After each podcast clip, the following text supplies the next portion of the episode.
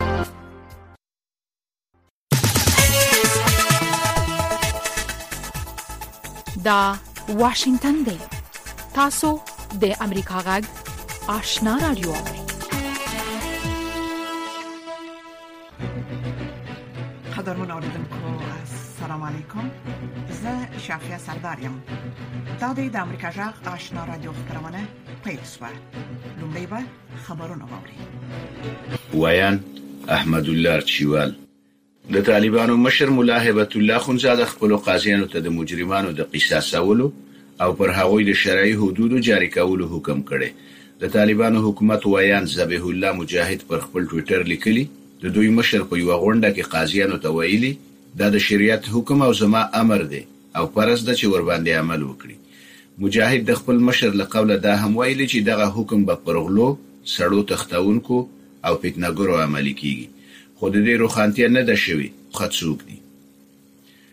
د خوړو نړیوال پروګرام په افغانستان کې د خلکو د لاسنیوي لپاره د اړین چمتووالي خبر ورکړی. د خوړو نړیوال پروګرام د ژمي په رارسیدو سره د افغانستان په لرې پرتو سیمو کې د دوه اویا زره ټنه خوراکي توکو د زیرمه کولو اعلان کړی او ویلي دي چې دا لړۍ به دوام ولري. ډبلیو پي پرون په یوه ټویټ کې ویلي چې د دې پروګرام موخه په افغانستان کې د ژمي، واورې، یخنۍ او د لارو د بندېدو پر مهال خلکو ته د خوراکي توکو رسول دي. د خوړو نړیوال پروګرام وايي، په پام کې لري چې په میاشت کې پنځلس میلیونه افغانانو ته د خوراکي توکو د رسولو په موخه سل زره ټنه خوراکي توکي زېرمه کړي. د سپین بولدک چمن لاره تړل شوې، په کندهار کې د سپین بولدک چمن په دروازه د طالبانو او پاکستاني ملېشو ترمنځ د پرونۍ نښتې اصلي انګېزه لا هم نه ده معلومه. هغه ویډیوګانې چې دې جګړې سره تړلې ښودل کېږي او هیڅ لوري نه دي تایید کړي، ښیي چې د طالبانو په منځ کې یو ولاړ شخص په پاکستاني ملېشو ډزې کوي او وروسته نښته پېلېږي. لا د دې ډزو د مرګ ژوبلې کره شمېره نه ده معلومه. خو هغو ویډیوګانو کې چې ادعا کیږي د همدې نښتې دي لیدل کیږي چې دوه پاکستاني ملیشه په مرمیو لګیږي. د طالبانو د حکومت ویاند ذبیح الله مجاهد نن ازادۍ راډیو سره خبرو کې دغه نښته په سیمه ییزه کچه یوه کوچنۍ پېښه بللې. د بلوچستان په مچ سیمه کې وسله والو شپږ کان کیندونکي تښتولي. په مچ کې د کان کیندونکو د ټولنې مشر اقبال یوسفزي مشال راډیو ته ویلي چې هغوی د نومبر پر دیارلسمه تښتول شوي او ټول پښتانه دي. د ده په وینا څلور د خیبر پښتونخوا د شانګلې، یو د مچ او بل د افغانستان دی. د مچ یوه حکومتي چارواکي د نوم نه ښوولو په شرط مشال راډیو ته ویلي چې تر پېښې وروسته یې امنیتي ګامونه پورته کړي او د تښتول شویو لټون روان دی. تر اوسه چا د دې پېښې مسوولیت نه دی منلی. له امریکا غږ څخه خبرونو ته دوام ورکوو.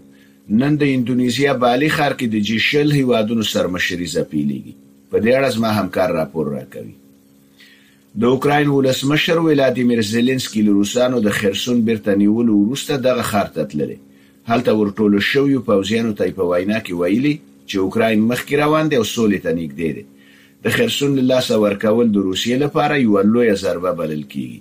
دا هغه سیمه ده چې روسیې په وروستیو کې په خپله اداره پورې تړل شویو سیمو کې حسابوله.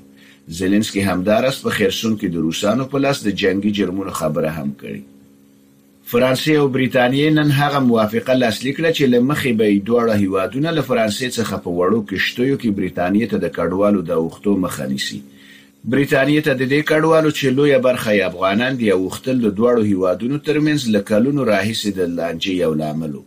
د فرانسې د کورنیو چارو وزارت وايي، د دوه اړخیزې موافقې له مخې بریتانیه به فرانسې ته د دوه زره دوه ویشت او دوه زره درویشت کلونو لپاره نژدې پنځه اویا میلیونه ډالر ورکوي څو په خپلو شمالي سواحلو کې په امنیتي ګزمو کې څلوېښت سلنه زیاتوالی راولي. سلوانیا په لومړي ځل یوه ښځه د ولسمشرې په توګه ټاکلې. د نتاشا پیرک موسار په اړه ویل کېږي چې ژورنالیسته او وکیله ده او د امریکا له مخکینۍ لومړۍ مېرمنې میلانیا ټرمپ سره یې هم د وکیلې په توګه کار کړی. هغه ولسمشرۍ ته خپلواکه نومانده وه، خو د سلوانیا منځلاري کیڼ اړخي حکومت یې ملاتړ کاو. دا و د دې ساعت خبرونه چې تاسو ته هم په واشنګټن کې د امریکا غږ له سټوډیو وړاندې کړل.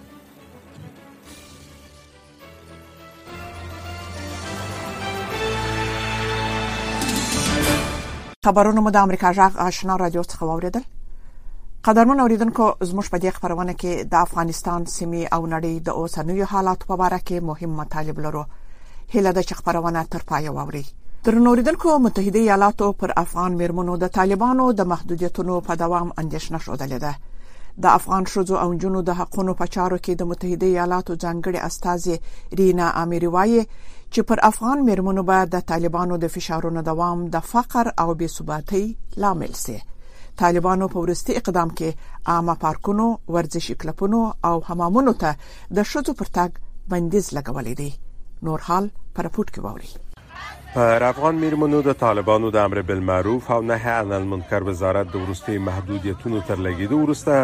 د افغان ښځو او انجونو د حقونو په چارو کې د متحدو ایالاتونو ځانګړي استازي رینا میری په خپل ټویټر پاڼه لیکلي چې د افغان میرمنو په وړاندې محدودیتونه به د فقر، بې ثباتۍ او د خلکو د تیښتې د زیاتوالي لامل شي. هغه کسان چې له یو افراطي افغانستان نه ویره لري باید د ښځو او نجونو په وړاندې د طالبانو د تګلارې، زده کړو، کار او تفریحي پارکونو ته د تګ د محرومیت په اړه اندېښنه لري. دا افراطیت به د بې ثباتۍ، فقر او د خلکو د تېښتې د زیاتوالي لامل شي. زه فکر کوم چې اوس د دې وخت رسیدلې ده چې نړیواله ټولنه په خصوص ملګری ملتونه د افغانانو سره یو ځای هغه افغانان چې په افغانستان کې فعال دي او هغه افغانان چې په بهر کې میشت دي د دوی سره یو ځای په یو میکانیزم باندې کار وکړي او متحدانه او منسجم عمل وکړي تر څو په طالبانو باندې خپل فشارونه ډیر کړي او د طالبانو دریځ ته تغیر ورکړي او طالبان باید مجبور شي چې د ښځې حقوق ته احترام قایل شي. بلخوا د افغانستان لپاره د متحدو ایالتونو شارزدفیري کیرن ډیکر هم د افغان میرمنو په وړاندې د طالبانو د تازه محدودیتونو په غبرګون کې پارکونو ته د ښځو پر تګ د بندیز پریکړه بې معنا بللې ده. اغلې ډیکر شنبه ناوخته په خپل ټویټر پاڼه ولیکل چې پارکونو ته د خځو او ماشومانو پر تګ بندیز به د خځو ماشومانو او افغانستان لپاره ناوړه پایلې ولري په داسې حال کې چې اسلام آباد ته خپل سفر پای ته رسوم داسې راپورونه مې اوریدلي دي چې خځې نور په افغانستان کې پارکونو ته د تک اجازه نه لري کچېرې دا رښتیا دا هیڅ معنا نه لري میرمن ډکر په داسې حال کې تیر اونۍ په پاکستان کې لمیشت افغانانو سره د سلام مشورو په هدف اسلام آباد ته سفر وکړ چې پر افغانستان د طالبانو له واکمنېدو وروسته د نورو هیوادونو ترڅنګ ګڼ شمیر افغانان پاکستان ته مهاجر شوي دي خو یو شمیر دغه مهاجر وایي چې د تیرو څو میاشتو راهیسې د هغوی د نیولو لړۍ پیل شوې او تر اوسه پورې په سلګونو افغانان نیول شوي دي پټ زو پټ راځو دا رقم تنګول چې ګیر مو کې 20000 15000 20000 15000 زموږ ټوله زموږ ټوله کمایي ټوټل میاشت کې 20000 روپۍ د موږ په ورځ 20000 پولیس ته ورکو به خې تنګول شروع کړي دي موږ خپل ورور باندې د درې میاشت کې په جیل کې دي ورځغله ورځغله وکیلانو هم لوټ کړو پولیسانو هم لوټ کړو موږ غواړو د پاکستان حکومت یا د افغانستان حکومت چې موږ ته یو سهولت برابر شي یا دلته یې که مواړی یا افغانستان ته مونږ یو کلخته واړی دلته یې موږ ډېر نه تنګوي داسې په عذاب یو چې بیخي د یعنې ان ښځې نشي ولای د کوره چې د بازار ته ښار ته ښځې وځي هغه ښځې تنګوي چې دا افغانیان دي د 2001 کال په اګست میاشت کې د افغانستان د جمهوري نظام له ړنګېدو او واک ته د طالبانو له رسېدو وروسته متحد ایالتونو او متحدو هیوادونو څه باندې یو لک څلروي زر افغانان له افغانستانه بهر کړل خو په افغانستان کې د فقر او بیوزلۍ او د طالبانو د فشارونو د زیاتېدو امله اوس هم افغانان نورو هیوادونو په خاص ډول ایران او پاکستان ته مهاجرت کوي خو هلته هم له مختلفو کړاوونو سره مخ دي سمیع الله جلالزی د امریکا غږ د واشنگټن نه د امریکا غږ آشنا رادیو خبرونه اوري د امریکا غږ آشنا رادیو څخه تاسو زموږ د خبرونه اوري یو شمېر افغان پنګوال په خپل هیواد کې د پنګونې پر ځای په نورو هیوادونو کې پنګونې کوي او د افغانستان څخه د پنګې د استلو لاملونه نامناسب چاپیریال او د نجونو د ښوونځیو تړل غني مسکا صفوي د یو تن پنګوال په حق له رپورټ را لېږلی چې د پاکستان په پا پایتخت اسلام آباد کې د افغاني خوړو یو رستورانت جوړ کړی و. دا د افغاني خوړو یو رستورانت یا خوړونځای دی چې د پاکستان په پلازمینه اسلام آباد کې د نثار احمد په نوم د یوه افغان پانګوال لخوا جوړ شوی دی. نثار احمد اصلا د کابل اوسېدونکی دی او له دریو میاشتو راهیسې پاکستان ته راکډوال شوی دی، هغه په افغانستان کې د ودانیو جوړولو کار کاو چې په خبره یې اوس په ټپه ولاړ دی. دی وايي چې د خوراکي توکو د پلور په برخه کې پانګونه یوه اقتصادي وسیله ده، خو د افغانستان په اوسنیو حالاتو کې دا ډېره ګټوره نه وه نو ځکه د افغانستان پر ځای په پاکستان کې خپل روزګار ته په ودې ورکولو مجبور شو. فعلا افغانستان اقتصادش صحیح نیست، مردم بر همگی و اقتصاد خراب دچار است، نمیتانه کمی نان شب و روز خود در خانه تهیه کنه، به او لحاظ در رستوران خو بیخی کس نمیره، ما امیر خواستیم که در اسلام آباد یک رستوران جور کنیم، اینجا هم افغانا فضل خدا همګی است و نان ما هم افغانی است. د رستورانت کې ډول ډول افغاني خواړه تیاریږي او افغانان هم له هیواده لرې د خپلو خلکو او کلتور سره د مینې او نږدي پاتې کیدلو لپاره دې ځای ته ډیر په خوښۍ سره راځي. دلته ځکه راغلی یم چې رستورانت افغاني ده، خواړه یې افغاني دي، نو ډېر ښه رستورانت ده، واقعاً مزېدار خواړه ورکوي. رستوران خوب است، غذاهای افغانی خوب دارد، چون افغان خود ما این رستوران را تازه جور کرده و غذاهای بسیار خوشمزه افغانی را دهینجا به حساب برای افغانها به حساب سرو میکنه. نثار احمد وايي چې له یوې خوا په افغانستان کې سوداګریزې ستونزې او له بلې خوا د نجونو پر مخ د ښونځیو تړل کېدو دې ته اړ کړ چې پاکستان ته ولاړ شي ځکه چې هغه د دريو لوڼو پلار دی خو په دې خپه دی چې خپل وطن ته يې ګټه نه رسيږي. ما از خاطر ازی که فعلا دست بر طفلا و بر خصوصا دخترا نیست اولادای ما اینمیج است همیشان درس میخوانند از سمت بالاتر تا پایین تر کدام امانیت وجود نداره خاص به این خوشحال هستم اما ای که فایده ما به یک کشور دیگه برسه بسیار زیاد پریشان و جگرخون هم هستم دا لا څرګنده نه ده چې په افغانستان کې د طالبانو په بیا واک ته رسېدو څومره پانګوال له هېواده وتلي دي، خو د افغانستان پاکستان د ګډې خونې د مشر خان جان الکوزي په وینا، کله چې د طالبانو او امریکا ترمنځ د دوحې تړون لاسلیک شو، پانګوال په افغانستان کې خپل راتلونکی برباد ولیده، له هغه وخت راهیسې له شپېته تر اویا سلنه افغان پانګوال له هېواده وتلي او په نورو هېوادونو کې یې پانګونه کړې ده. په داسې حال کې چې اوسمهال د تباهۍ په غاړه ولاړ د افغانستان اقتصاد ثبات ته اړتیا لري، د نثار احمد په څېر داسې ډېر پانګوال شته چې د افغانستان د بدو شرایطو له کبله په هیواد پرېښودو مجبور شوي دي او نورو هیوادونو کې یې پانګونې کړې دي او ګټه یې هم نورو هیوادونو ته رسیږي مسکا صافی امریکا غږ اسلام آباد ټول د حقایقو د پیدا کولو په لټه کې امریکا غږ په نړۍ کې د موثقو معلوماتو په برخه کې نړیوال شهرت لري امریکا غږ په نړۍ کې د ټولو لپاره د خبرونو باوري سرچینه ده خلک د نړیوالو مسایلو په حق له جامع معلومات غواړي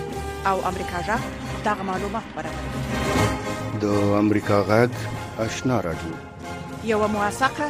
معتبره او جامع منبع منځنۍ چپه 1290 او په 15 ښارونو کې اف ام 0.15 د امریکا جغ آشنا رادیو څخه تاسو زموږ د خبرونه اوري د دواړو کوریاګانو ترمنځ اړیکې اوس تر بل هر وخت خپل کړکېچن حالت ته رسیدلې دي علت هم دا دی چې شمالي کوریا به شمیر راکټونه ازمایلي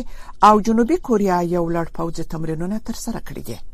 په دې باره کې د امریکا جغ د خبريال رپورت ووري کیم لوجبین د پینګ پونګ په ټاپو کې له اوونه وکړونو راهیسې ژوند کوي خو هغه لا هم د پوځي تمریناتو پر مهال د دزو او چاودنو لغګونو سره آشنا نه ده زمونږ پاوڅ نن دزې کولې ولې زه اندېښمنه کیږم کله چې مونږ فایر کوو زه اندېښمنه کیږم کله چې شمالي کوریا دزې کوي زه د دې ټولو په حق له اندېښمنه یم د یونپیونګ د سیمې اوسیدونکو په ځانګړي توګه په دې وروستیو کې ډیر اندېښمن دي تیر میاشت دواړو هیوادونو د خبرداري ډزې سره تبادله کړې وې یوازې د ساحل هي خواته د جنوبي کوریا سمندري ځواکونو هغوی لیدل د دې ځای اوسیدونکو وایي چې په دې ځای کې ډېری نور چاودنې هم اوریدلې دي څوک به اندېښمن کېږي، موږ په هر ځای کې د ډزو غږونه اورو. دلته شمالي کوریا په اسانۍ سره لیدل کېږي، په ځانګړې توګه په رڼا ورځ کې. په دې حساسو اوبو کې کب نیونه ډېره ستونزمنه ده. کله چې شمالي کوریا له خوا په سیمه کې انفجار او یا هم ډزې وشي، نو حتی کښتۍ هم له دې ځای څخه ځي. ځايي خلک وايي چې یوازې سږکال پنځه ځلې دا پېښې رامنځته شوې دي. او د سیمې هغه کب نیونکي چې په دې ځای کې کبان نیول تر ټولو ډیر اغیزمن شوي دي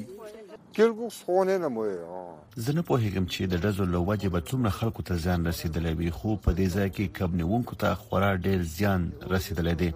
په ځانګړې توګه له پوځي اډو سره نږدې ځایونو ته له حده ډیر زیان رسیدلی دی په دې ځای کې یوازې د حیواناتو معیشت په خطر کې نه دی، بلکې ډېر خلک د خپل ځان د خوندیتوب نه هم وېره لري. په دوه زره لسم کال کې شمالي کوریا د یونګپیانګ په شاوخوا کې یو سل او اویا توپونه توغولي وو چې د دوو ملکي وګړو په شمول څلور تنه پکې وژل شوي وو. دا هغه ځای دی چې د جنوبي کوریا یو سمندري پوځي هم پکې وژل شوی دی. دا د شمالي کوریا د برید یوه روښانه بېلګه ده. خو په دې ځای کې هیڅوک له خطر څخه شکایت نه کوي ځکه د لسیزو را په دې خوا په دې ځای کې همدا حال روان دی زه سپین سر یم که مړه شم مړه بشم او که ژوندۍ وم ژوندۍ به وم خو د خپل اولادونو په حق له ډیر اندېښمنه یم خو هغه کسان چې د دې اوګدو نښتو په لومړیو کرخو کې دي تر هر بل وخت اوس ډیر اندېښمن دي غورځنګ د امریکا غږ واشنگټن د واشنگټن څخه د امریکا جغ آشنا را دوه اوري قدرمن اوریدونکو فلج کوچنیان په ذهني او فزیکي لحاظ کمزوري او د سالمو انسانانو د اوجو بار وي په کابل کې د اطفالو د برخې یو شمېر متخصصین ډاکټران وایي چې پولیو وهلي ماشومان له نورو په ذهني او فزیکي لحاظ کمزوري او د هیڅ ډول فعالیت جوګه نه وي نو په کار ده چې خلک د خپل کوچنیانو روغتیا ته پام وکړي نور حال پر پورت کې ووري پولیو چې په فزیکی توګه د روغو ماشومان د بدن دیوی برخې د فلج کېدو سبب ګرځي روغتیا پالان کوچنیان ته د واکسین په تطبیق ټینګار لري د کابل په فرانسویانو روغتون کې د اطفال متخصص ډاکټر اسمت الله حمد وایي چې فلج ماشومان د سالمو په نسبت په فزیکی او رواني توګه کمزوري او د کوم کار جوګه ځان ته نشي جوړولای نو موړي په دې رابطه آشنا رادیو ته وویل فلج ماشومان په ذهني او فزیکی لحاظ کمزوري وي د دوی د بدن مقاومت د سالم انسانانو په څیر توان او طاقت د فعالیت نه لري دوی جسما او ذهنا رشد نشي کولای بدن یې همچنان ذهن یې رشد نه محروم وي. د نوموړي په وینا، د فلج ماشومانو ترڅنګ د دوی فامیلونه او د جامعې نور سالم انسانان هم په ستونزو کې ښکیلیږي چې په دې توګه د ټولنې یوه برخه له پرمختګه شاته پاتې کیږي. له دوی سره به د دوی فامیل تل ځوریږي نو بهتره دا ده چې موږ او تاسو او خصوصا درنې کورنۍ له دې نه مخنیوی وکړو. هغه څه چې دوی ته په جامعه کې وړاندې کیږي لکه واکسینونه دي دوی ته باید تطبیق شي ترڅو د ډول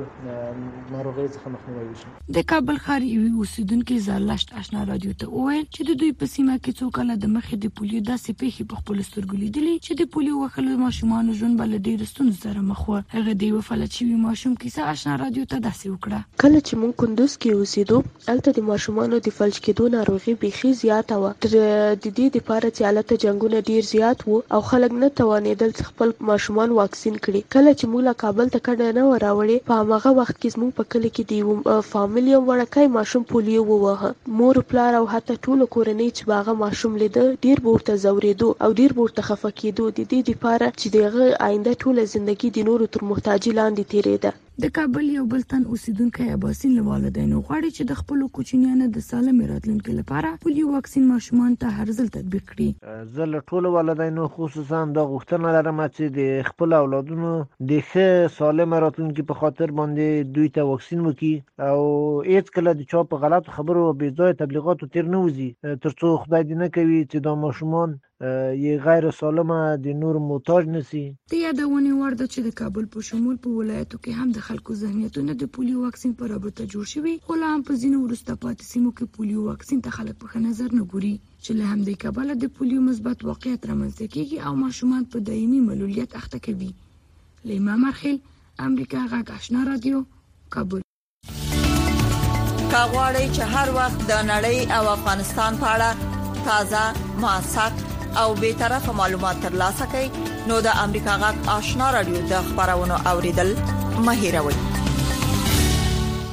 دا د امریکا غږ آشنا رادیو ده او تاسو زموږ د خبرونو اوري په 2021م کال کې په افغانستان کې د جمهوریت نظام د سقوط څخه پس په زورګونو افغانان هیواد پرېښودلو ته اړ شول په دې کې د افغانستان د جنونو د کرکټ یو شمېر لوبغاړي هم شامل وي چې د تخلیه په پروسه کې مختلفو هیوادونو ته رسیدلي دي د دغو لوبغاړو د جملې څخه درې خوندې دا وخت په کاناډا کې د یو محلي کرکټ کلب لوبغاړي دي او د کرکټ لوبي ته ادامه ورکړي نور حال د مهدی الله عابد پر پورت کوي نجیبه، لیما او مسکا صمیم درې خویندې دي. نجیبه او لیما یو وخت د افغانستان د نجونو کرکټ لوبغاړې وې. نجیبې صمیم د خپلو نورو ملګرو سره د کابل په کرکټ اکاډمۍ کې تمرین کاوه او دا یې ارمان و چې یوه ورځ به دوی هم د کرکټ د ځوانانو د ټیم په څېر د نجونو د ټیم د غړو په توګه د افغانستان لپاره لوبې کوي.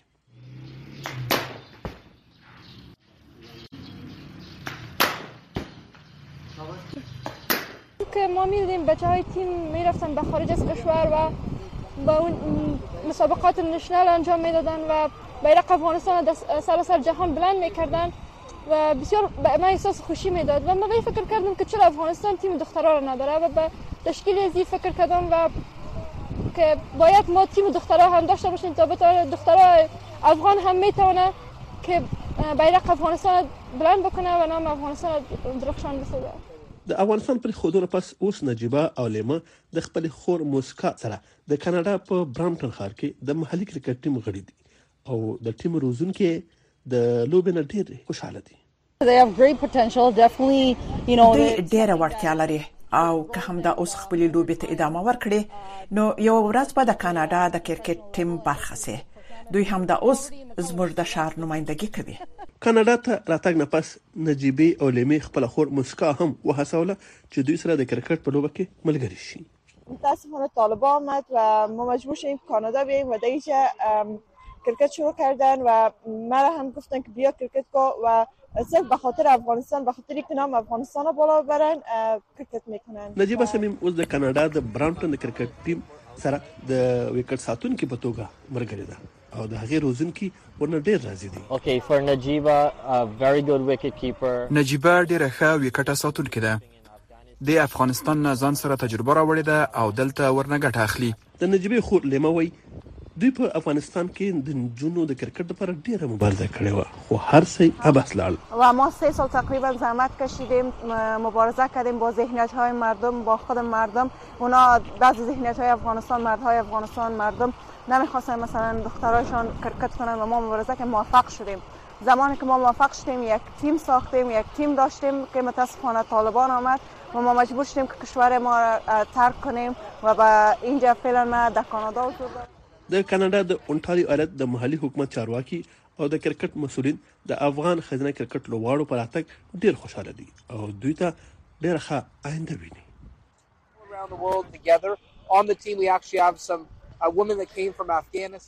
موږ خپل کرکټ ټیم کې افغان لوبغاړو ته هرکلی وایو، د دې نجونو ګډون زموږ کرکټ ټیم ته نوره ښکلا او تنوع ورکړې ده او ډېر ښه راتلونکی ورته وینو. نجیبې، لیمې او موسکا صمیم چې کوم خوب په کابل کې لیدلی و، تعبیر یې په کاناډا کې موندلی دی او د خپلې خوښې د لوبې کرکټ په میدان کې د همزولو سره لوبې کوي. هم د دې خبرونې وروستۍ رپورت د هرات د کرهنې ریاست چارواکي وایي چې په دې ولایت کې سږکال د پنبې حاصلات په سلو کې 15% زیات شوی او دوی هڅه کوي چې د زعفرانو ترڅنګ د پختې کرهڼه هم د کوکنارو د بدیل په توګه په دې ولایت کې دود کړي صفیح الله احمدزی په دې اړه رپورت راستولی په هرات کې د پنبې د حاصلاتو راټولولو د فصل پیل سره مهاله دا کروندګر د خپل ځمکو څخه پخته راټولوي پنځه پنځوس کلن حسام الدین د هرات په انجیل ولسوالۍ کې د پنبې کر کوي. وایي د مالوچو دا کرنه یې پلرنۍ دنده ده او له دې لارې د خپل د کور خرڅ برابروي. د هغه په خبره دی د کال تر دوه سوه زره افغانۍ ګټه د پختې کرنې څخه ترلاسه کوي. ته ته تقریبا از سال شصت به ای بر که مه خود بودم پیار ما پخته میکشت ما و امیر رجوع کردیم به این پختکاری من تا پختکاری بهترین کشتی به حساب کشاورزی ما د پختې دا کروندګر وایي ځکه د کوکنارو کرنه کوي چې په پایله کې ځوانان په نشي موادو اخته کیږي او تاوانونه یې ټولنې ته راګرځي کشت کوکنار چیکار میکنه فقط کوکنار از مو شیره به دست میآید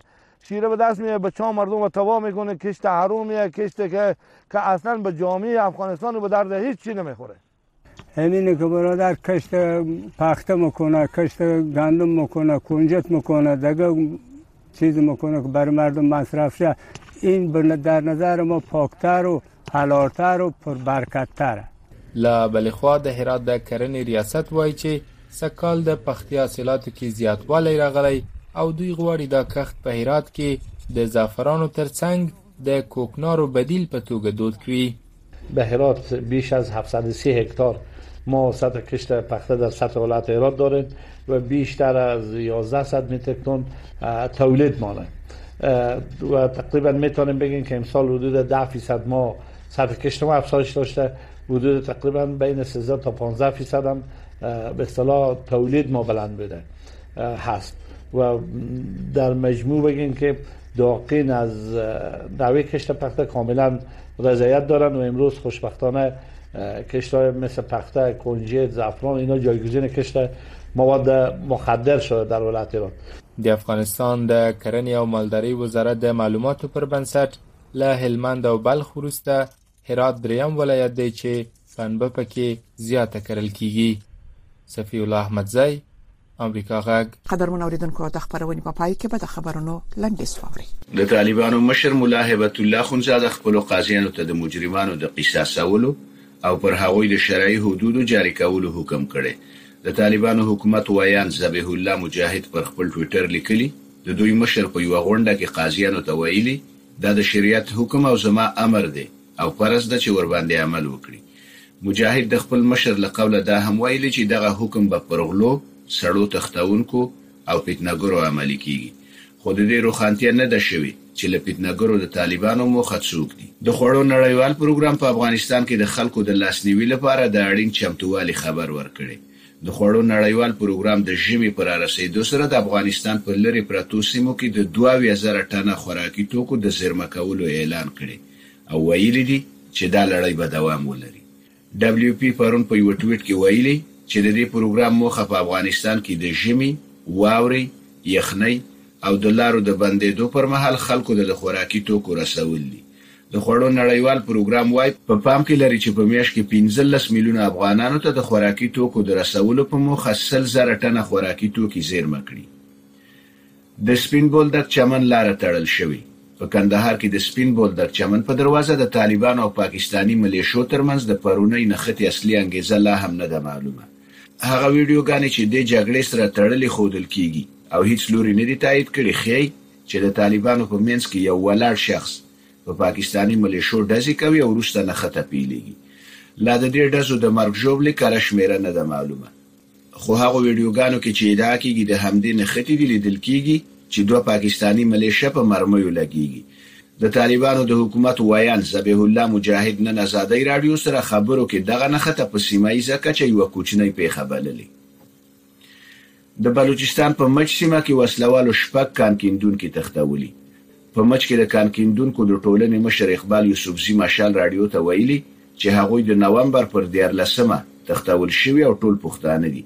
د ده په وینا څلور د خیبر پښتونخوا د شانګلې، یو د مچ او بل د افغانستان دی. د مچ یوه حکومتي چارواکي د نوم نه ښوولو په شرط مشال راډیو ته ویلي، چې تر پېښې وروسته یې امنیتي ګامونه پورته کړي او د تښتول شویو لټون روان دی. دا او د دې ساعت خبرونه چې تاسو ته هم په واشنګټن کې د امریکا غږ له سټوډیو وړاندې کړل.